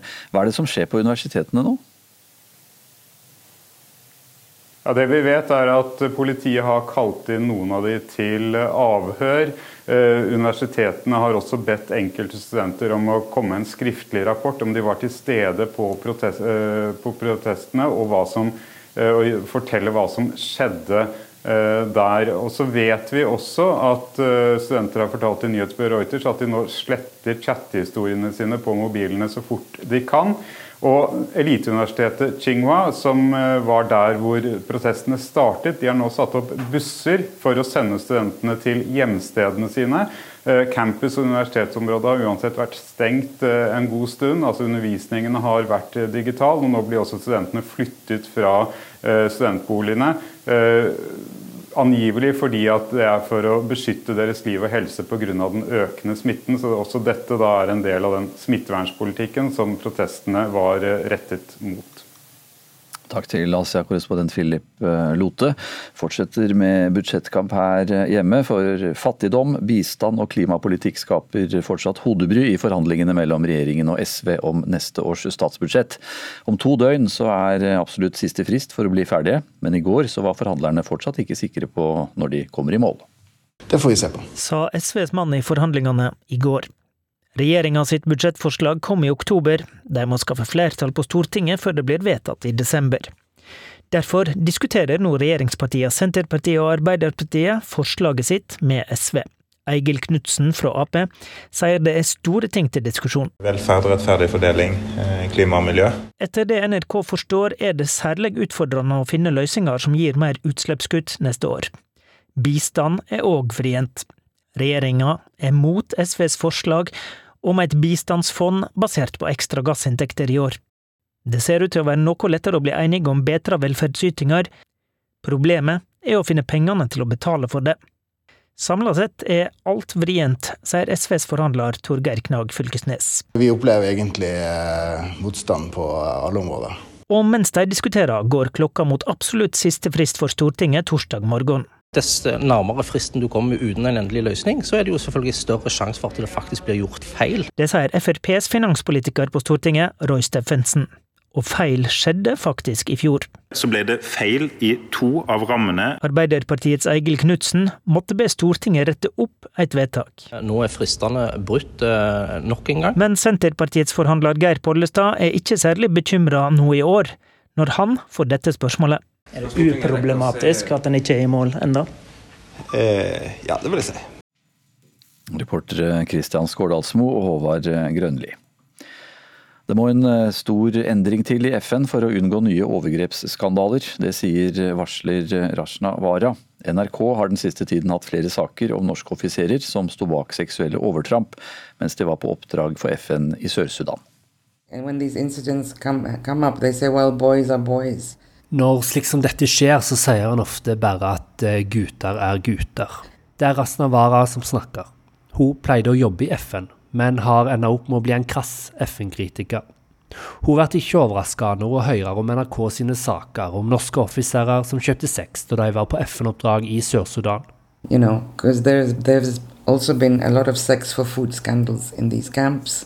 Det har vært mange sex for mat-skandaler i flyktningleirer, og i konfliktsoner som Kongo, Liberia og Haiti. Et av temaene hun er opprørt over, er at FN-tilsatte eller FN-soldater ikke kan straffes om de f.eks. utfører seksuelle overgrep, og dermed vil slike hendinger fortsette å skje, mener hun. FN-toppen Christian Saunders sier at straffefridommen som FN-tilsatte nyter, er en del av problemet. Han er den som har pekt ut av FNs generalsekretær og har gitt ansvar for å unngå nye sexskandaler. Men han mener at en stor del av problemet også er at i en del land fortsatt er slik at en kan komme seg unna med seksuelle båtsverk. I mean, it's the biggest irony to find that human rights are being violated within the UN itself. Rasnavara synes det er toppen av ironi at FN-tilsatte bryter menneskerettene. Hun mener det trengs en reform som kan åpne for at FN-tilsatte kan stilles for retten, og hun oppmoder Norge og andre land som støtter FN aller mest, til å sette hardt mot hardt og holde tilbake penger om det ikke skjer noe bedring var eh, korrespondent Vegard Kjørom som hadde møtt FN-varsler Rasna Wara i Nairobi i Kenya. Norske tegneserier skal det handle om nå. De opplever en gullalder, ifølge Organisasjonen for visuell kommunikasjon, Grafil. Flere av bibliotekene her i landet merker at interessen øker. Tegneserieskaper Linn Isabel Eielsen har fått tegneseriestripa si Linnsikt på trykk i flere aviser. Jeg har fått fast plass i Universitas. Så har jeg gjesteplass i VG. Fedrelandsvennen. Her òg kan en finne innsikt. Gjesteplass. Og ei som er glad for slike som Eielsen, er Lene Renneflott. Hun er leder i organisasjonen Grafill, som organiserer bl.a. tegneserieskapere og animatører. Tegneseriene er rett og slett i en gullalder. Det har aldri vært lånt så mange tegneserier i bibliotekene. Det har aldri vært eh, lest eh, så mye tegneserier i Norge noen gang, tror jeg. Flere av bibliotekene i landet stadfester en øke i utlån. Deichman Grünerløkka i Oslo merker òg at det øker for alle aldersgrupper. Det er jo helt uh, fantastisk. I tillegg har det på skapersida gått fra å være veldig mannsdominert til at det nå har kommet mange unge kvinnelige skapere, ifølge Renneflott. For vi ser plutselig at innenfor alle sjangerområder så blir de kvinnelige tegneserieskaperne ikke bare mer synlige, men de gjør seg også veldig godt gjeldende. Og En av de kvinnelige skaperne hun peker på, er nettopp Eielsen, som du hørte blad i avisene i starten. Jeg har lært mer av enkelte tegneseriestriper enn jeg har lært av hele romaner. Fordi det er et eller annet med at du må, du må destillere det. Du må ta vekk alt som ikke er nyttig. Altså, er bare, jeg ser bare uendelige muligheter med de rutene. Reporter Ida Yasin Andersen. Dag Dørum har ansvaret for NRK Dagsnytt i dag. Jeg heter Anders Borgen Werring.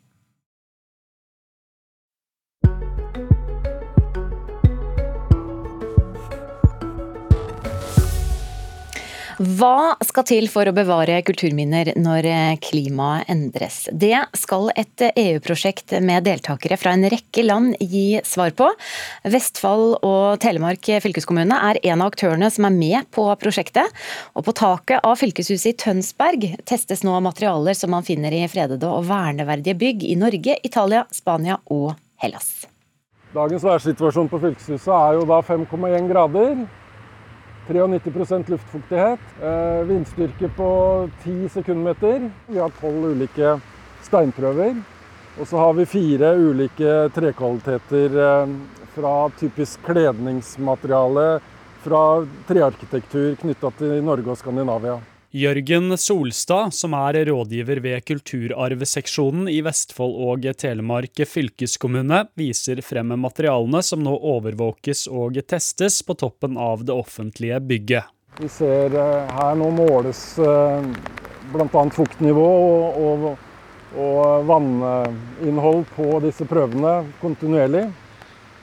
Så dette gir oss samla et bilde på hva som kommer til å skje fremover med med ulike klimafremskrivinger og værbelastninger. Eh. Undersøkelsene som nå gjøres i Tønsberg kan forhåpentligvis være med å gi svar på hvordan man kan unngå at viktige kulturminner går tapt i fremtiden, sier Solstad. Prosjektet er jo i hovedsak eh, et forsknings- og utviklingsprosjekt som tar sikte på å få et system, eh, et verktøy, for å forutsi hva som skjer med våre viktigste kulturminner og kulturmiljøer med eh, nye klimaendringer og værbelastninger. Ikke minst hva de økte belastningene vil medføre av kostnader og vedlikeholdsutgifter.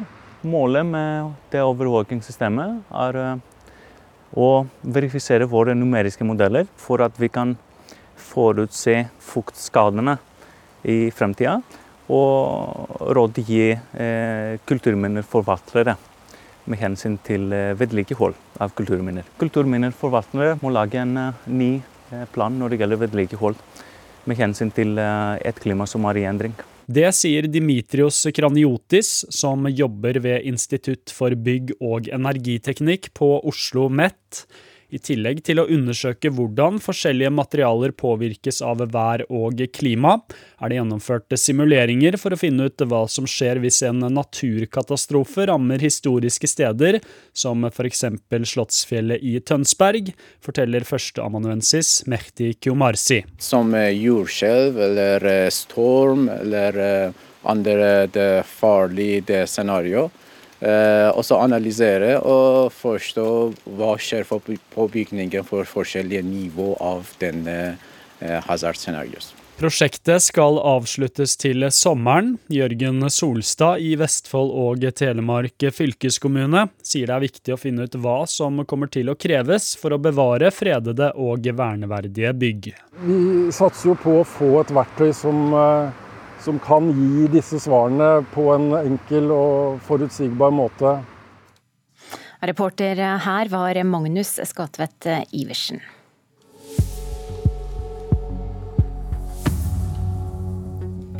Klokka er 7.43. Dette er Nyhetsmorgen. Snart blir det Politisk kvarter her, men vi tar med oss et par overskrifter før det. Luftfartsbransjen må skjerpe seg i det grønne skiftet. Det mener Miljøstiftelse. Vi skal ha elfly i lufta om fem år, svarer SAS-sjefen. Store politistyrker utplasseres i kinesiske byer for å hindre nye demonstrasjoner. Dette skjer etter at i løpet av helgen var protester mot strenge koronarestriksjoner over hele Kina. Fattigdom, bistand og klimapolitikk skaper fortsatt hodebry i forhandlingene mellom regjeringen og SV om neste års statsbudsjett. Om to døgn er absolutt siste frist for å komme i mål. Og så tar vi også med at i dag får vi årets dyreste strøm i Midt-Norge. Prisene stiger jevnt hele dagen og topper seg mellom klokka 17 og 18 i ettermiddag med en spotpris på 6 kroner og 30 øre per kilowattime. Og gjennomsnittsprisen i dag blir på vel 3 kroner.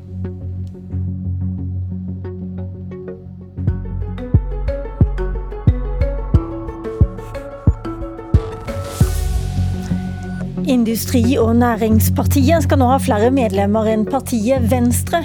De har også den eneste partilederen som er valgt for seks år, og et sentralstyre som utpeker og avsetter lokale listetopper. Her snakker vi mer om en sekt enn et politisk parti, mener kommentator.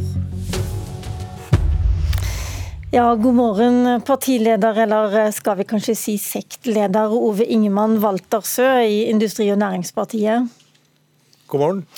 Flere eksperter i Stavanger Aftenblad har kalt partiet ditt strengt, autoritært, udemokratisk. Og det er jo harde ord om et parti som stadig vokser, som har vært inne i Stortinget på en meningsmåling, og som gjør det bra på målinger, særlig på Vestlandet, i Vestland og Rogaland. Men la oss ta det der med ledervalget først. Hvorfor skal du være valgt for seks år, når de fleste andre, eller egentlig alle, så vidt jeg vet, andre partiledere nøyer seg med to år? Nei, eh, Industri- og Næringspartiet har et mål om å hindre å bli eh, både kuppa og, eller bli, å ha oppdrettspolitikere. Jeg tror det politiske landskapet nå trenger folk med arbeidslivserfaring. Og til det du sier i innledningen din om at vi eh, vokser, og det er nok noe av det som nok biter en del av de som kaller seg eksperter, eh, at nå kommer det et parti som er eh, av og med helt vanlige folk. Men du sier at dere tiltrekker dere folk som er oppdrettspolitikere. Hva mener du med det? Oppdrettspolitikere, det er politikere som eh, har det som yrke, nærmest som de har vokst opp i egen organisasjonsboble, gjerne i, i eget parti. Hvor de har eh, politikk som yrke, og er egentlig ikke der med hjertet på rette staden. Derfor syns du det er enklest at du peker ut eh, lokale tillitsvalgte for Industri- og Næringspartiet? Ja, Nå er det nok ikke sånn dette foregår hos oss. Vi, har, vi, er en helt ny organisasjon, så nødvendigvis så må vi jo i hvert fall spørre noen om de ønsker å starte et lokallag eller et fylkeslag, for den del. Og så har vi det sånn at vi har én person fra hvert fylke i sentralstyret, og dermed så blir det veldig godt representert over hele landet. Men, men, det står jo faktisk i vedtektene deres at det er viktig og riktig at det blir pekt ut medlemmer til de forskjellige sentrale og lokale lederposisjonene, og det er normalt partileders oppgave. Ja, nå står nok det i vedtektene våre, men det er, det er, ikke sånn det egentlig foregår. Vi er nødt til å, vi ikke, vi, vi er nødt til å ha først et, en, et interimstyre. Og så, har vi da, og så må vi nesten få lov til å få gjennomført et, eh, et skikkelig landsmøte etter vedtekter og sånt. Så det er liksom noe som hva som kommer først. Eh, noen må begynne, og så må man innkalle til landsmøte hvor vi kan ha valg. Og denne kritikken er nok litt eh, prematur og litt, litt for tidlig. Trond Birkedal, du er politisk kommentator bl.a. i Stavanger Aftenblad. Du har bakgrunn, lang erfaring fra Fremskrittspartiet før eh, du meldte deg ut. Du kaller Industri- og Næringspartiet for et sekterisk enkeltpersonforetak. Men kan du ikke gi dem en liten sjanse nå i startfasen? Eh, altså For meg så gjør det jo ingenting om de er eh, diktatoriske og udemokratiske, for jeg skal ikke være med i det partiet. Men det er klart hvis du melder deg inn i Industri- og Næringspartiet, så er du helt avhengig av at eh, Waltersen eh, liker deg eller er enig med deg. For det er han som peker ut folk til de forskjellige vervene. Det er han og sentralstyret som han har utpekt, eh, som velger hvem som skal få lov til å stå på lister i de forskjellige kommunene og fylkene. Så egentlig så er det han, det er et enkeltpersonforetak der, iallfall hvis vi leser vedtektene og det som står på nettsidene til Industri- og Næringspartiet, så er det han som bestemmer i dette partiet. Og hvis det er mange tusen medlemmer som melder seg inn fordi at de har lyst til å være med å påvirke partiet, de har lyst til å stille til valg, de har lyst til å påta seg verv, så har de altså ikke muligheten til det uten at det er Waltersnes som har utpekt dem. Men eh, de liker kanskje Waltersø, da, siden det er så mange som melder seg inn? Ja, Det er jo tro det da, at, eh, at en melder men en får aldri, en får aldri vist det. En får aldri, liksom, eh, har aldri muligheten til å uttrykke verken tillit eller mistillit. Det er altså sånn at nå har eh, partiet eh, Det kan se ut som at de kanskje går glipp av 500 000 kroner neste år, fordi at partiledelsen ikke har gjort jobben sin og ikke fulgt eh, partiloven. Det betyr at velgerne, medlemmene i partiet, har ingen mulighet til å sanksjonere mot det. For Waltersnes han sitter i over seks år som leder, kan ikke kastes, skal ikke velges før på landsmøtet i 2025.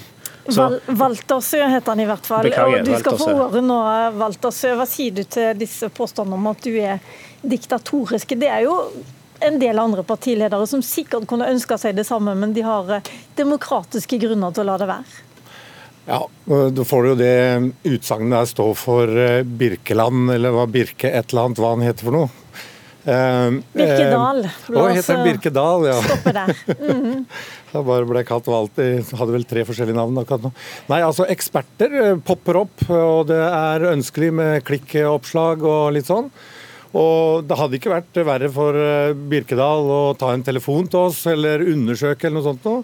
Så jeg tror nok akkurat det derre hvordan man blir ekspert i dette landet, det tror jeg er et yrke som ikke akkurat er beskytta. Vi kan ikke svare på det som går på dette med vedtektene. Altså, det står at det er viktig og riktig at du partileder eh, skal utpeke folk til valg.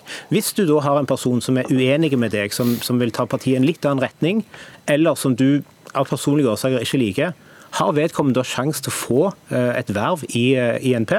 Det er du som bestemmer dette. Selvfølgelig. Det er, det er, så usaklig det du kommer ut. Nei, men, det men, det er litt morsomt for oss, da. Det, men, men kanskje jeg bare får si at jeg har lest akkurat det samme i vedtektene. Betyr ikke det som dere har skrevet på vedtek i vedtektene, som ligger ute på nettsidene, betyr ikke det noen ting? Jo da. Er, eh, vi er en organisasjon i oppbyggingsfasen. Og vi ønska oss å, å lage en organisasjon hvor vi klarte å hindre, og det har vi klart også i stor grad, å hindre en del oppdrettspolitikere å komme over til oss. og Det er vi veldig glad for. Men nå ligger dere an til å komme inn i fylkestinget i Rogaland, og dere kan komme også inn og avgjøre faktisk hvem som skal styre Bergen kommune. Eh, Bl.a. fordi FNB, Folkeaksjonen Nei til bompenger, eh, er blitt minimert siden sist. Det betyr at dere kommer til å få, ganske mye makt, eh, og da er det jo viktig hvem det er som skal representere dere. og da kan man også lure på, Er det folk i Bergen som skal bestemme hvem som skal representere dem, eller er det du som sitter i Porsgrunn? Nei, nei da, det er jo selvfølgelig folk i Bergen. og Hvis man hadde satt seg inn i både vedtektene og partiprogrammet vårt, så ser du det at det er eh, lokale, eh, lokallagene og fylkeslagene som, eh, som, nominerer de som skal sitte der. Hvorfor, helt vanlig måte. Hvorfor skal dere ha siste, siste ord i den saken? Hva slags siste ord tenker du på? Om hvem, hvem de er, faktisk. De skal jo godkjennes uh, i sentralstyret. Hvem Listen. som skal være uh, ja. på topp i liste, på listene. Ja, listene våre de ønsker vi, og, de, og vi, vi, kommer ikke til å, noen, å, gjøre noen endringer på de listene med mindre parti, nei, eh, eh, fylkesledere lokallagsledere ønsker det selv. Så det er egentlig bare en sikkerhetsventil for å, å hjelpe dem. Men hvorfor trenger du den sikkerhetsventilen? Det er nettopp for å hindre sånne partihoppere som vi har. Vi får eh, noen som vi vokser, og vi vokser såpass fort som det vi gjør så får vi henvendelser fra et utall eh, som er folkevalgte den dag i dag. Og det er nettopp for å hindre at disse kommer over til oss og, og lager bråk. Og, som vi har sett i andre partier og partiinitiativer, så har det vært veldig prega av den her maktkampen og intrigene osv. Birkedal? Ja, Det som han kaller for maktkamp, det er jo det som alle andre kaller for demokrati. Demokrati er rodete. En kan risikere at det kommer motkandidater, en kan risikere at folk er uenige med seg, og en kan risikere at en alltid ikke får, alltid ikke får det som en vil. Det er altså ironisk at et parti som skal representere vanlige folk, eh, og som skal representere distriktene, egentlig er da styrt av, eh, ja, iallfall ifølge vedtektene, og det er det vi som er på utsida er nødt til å forholde oss til styrt av én mann fra det sentrale østlandsområdet. Men du Nå snakker også... du antageligvis mot bedre vitende, Trond. Du, selv, du fikk selv, du fikk selv du, Birkeland, hør på meg. Du fikk selv tilbud om å trekke deg eller um, bli ekskludert fra Frp. Det er faktisk ikke korrekt. Men, jo, men, men nå skal du høre her. Ja, men nå skal du høre, så kan jeg få lov å prate ferdig i programmet? En om gangen. Ja. Eh, Porsgrunn, ja. Valtersø. Ja. Eh, det som er ironisk, eh, Birkedal, det er at du selv fikk tilbud fra Frp i din tid om å trekke deg eller bli ekskludert. Hvor har du det fra? Når, når vi, og vi har kopiert våre vedtekter fra Frp, så du kjenner nok godt igjen vedtektene som du selv har forbrutt deg mot. Birkedal, jeg har lyst til å spørre deg om en ting. Eh, nå er det sånn at Walter Sø, på stortingsvalget i fjor, så sto han på topp på alle fylkeslagslistene. Og det var vel litt sånn eh, da du var aktiv i Fremskrittspartiet også, at det var mange rundt omkring i ulike fylker som mente de stemte på Carl I. Hagen, mens de faktisk gjorde noe annet. Altså, du hadde en veldig markant partileder, og det var viktig i et parti i oppbyggingsfasen. Altså, nå var ikke jeg med i et parti i oppbyggingsfasen, jeg var med de var sånn 30 år eller noe. Det var ikke, det, var ikke altså, det som jeg reagerer på, eh, og som Walter eh, nekter å svare på, det er at det står i vedtektene at eh, medlemmer eh, altså til de forskjellige sentrale lokale lederposisjonene skal bli pekt ut av Eh, partilederen. Det står ikke noen andre vedtekter. Så vidt jeg vet, så har det sannsynligvis ikke stått i noen andre partier sine vedtekter. En bruker ikke det ordet 'utpekt', med mindre det kanskje er kongen i statsråd. Okay. Så, så, så, det er liksom det, det, manglende demokratiske forankringen og den kanskje mistilliten til alle disse tusen medlemmene som nå melder seg inn, eh, jeg reagerer på. Ok, Da skal du få kort ord til, eh, slutt på det, Bevaltersø. Ja, og Det er jo som jeg prøvde å fortelle den såkalt selvutnevnte eksperten Birkedal om at vi er i en oppbyggingsfase. og vi, har, vi, vi, kan jo ikke lage et årsmøte først, for så å velge. Så noen må jo peke på noen og spørre ønsker du å bygge et lokallag, et fylkeslag. og Det har jeg svart på tidligere i sendingen. Det har du, og vi setter en strek der. Tusen takk for at du var med. Ove Ingemann Waltersø, som du heter, leder i Industri- og Næringspartiet. Tusen takk også til Trond Birkedal, som er politisk kommentator. Nå skal jeg forklare på hvorfor vi bruker så mye tid på et parti som tross alt bare har ett mandat på Stortinget i én en eneste måling så langt. Og det er bl.a. fordi de kan bli like store som Folkeaksjonen Nei til bompenger var ved forrige lokalvalg. Men eh, hvor har det egentlig blitt av et parti som dem, Tone Sofie Aglen, kommentator i NRK? Ja, det er et godt spørsmål. Man må i hvert fall nesten ha forstørrelsesglass for å se det partiet på målingen i dag. Og jeg tror vi trenger flere politiske kvarter for å gå gjennom alle de konfliktene som har vært i det tidligere bompengepartiet. Jeg kan ta noen overskrifter. Det handler om eks eksklusjoner, det handler om kuppforsøk, trusler, unntakstilstand, rettssaker. Og de har ikke bare mista navnet sitt og partilederen. Vi har sett at det aller største kommunelaget, Alver, hvor de fikk 22 ved kommunevalget. Der har hele kommunestyregruppa meldt seg ut. Også den viktigste profilen i Bergen, Trym Aafløy, som mange husker, har også meldt seg ut sammen med flere. Så må det i rettferdighetens navn sies at om det ikke har gått så veldig bra med partiet, så lyktes de jo med å sette saken på dagsorden. Alle snakka om bompenger.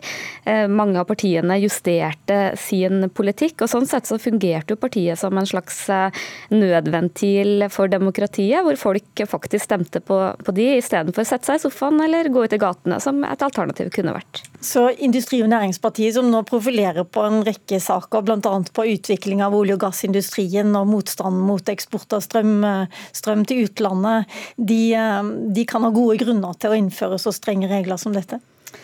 Ja, det, det, vil ikke jeg si, men det er i hvert fall et kjennetegn ved mange av de små partiene at det er veldig mye konflikter.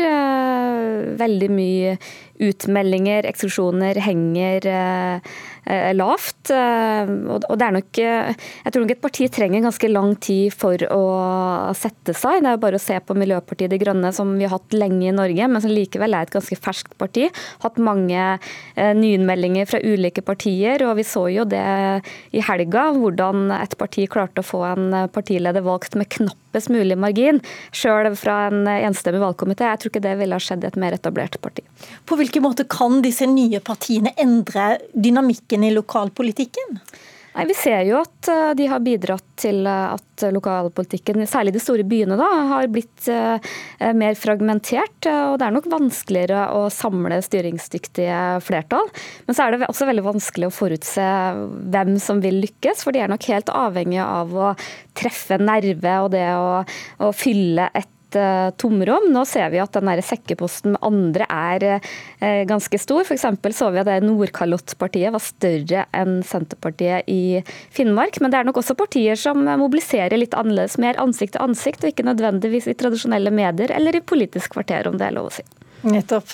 Og dette var ett Politisk kvarter. Tusen takk, tusen takk, for at du kom, Tone Sofie Aglen. Mitt navn det er Lilla Sølhusvik. Nå fortsetter Nyhetsmorgen her i NRK P2.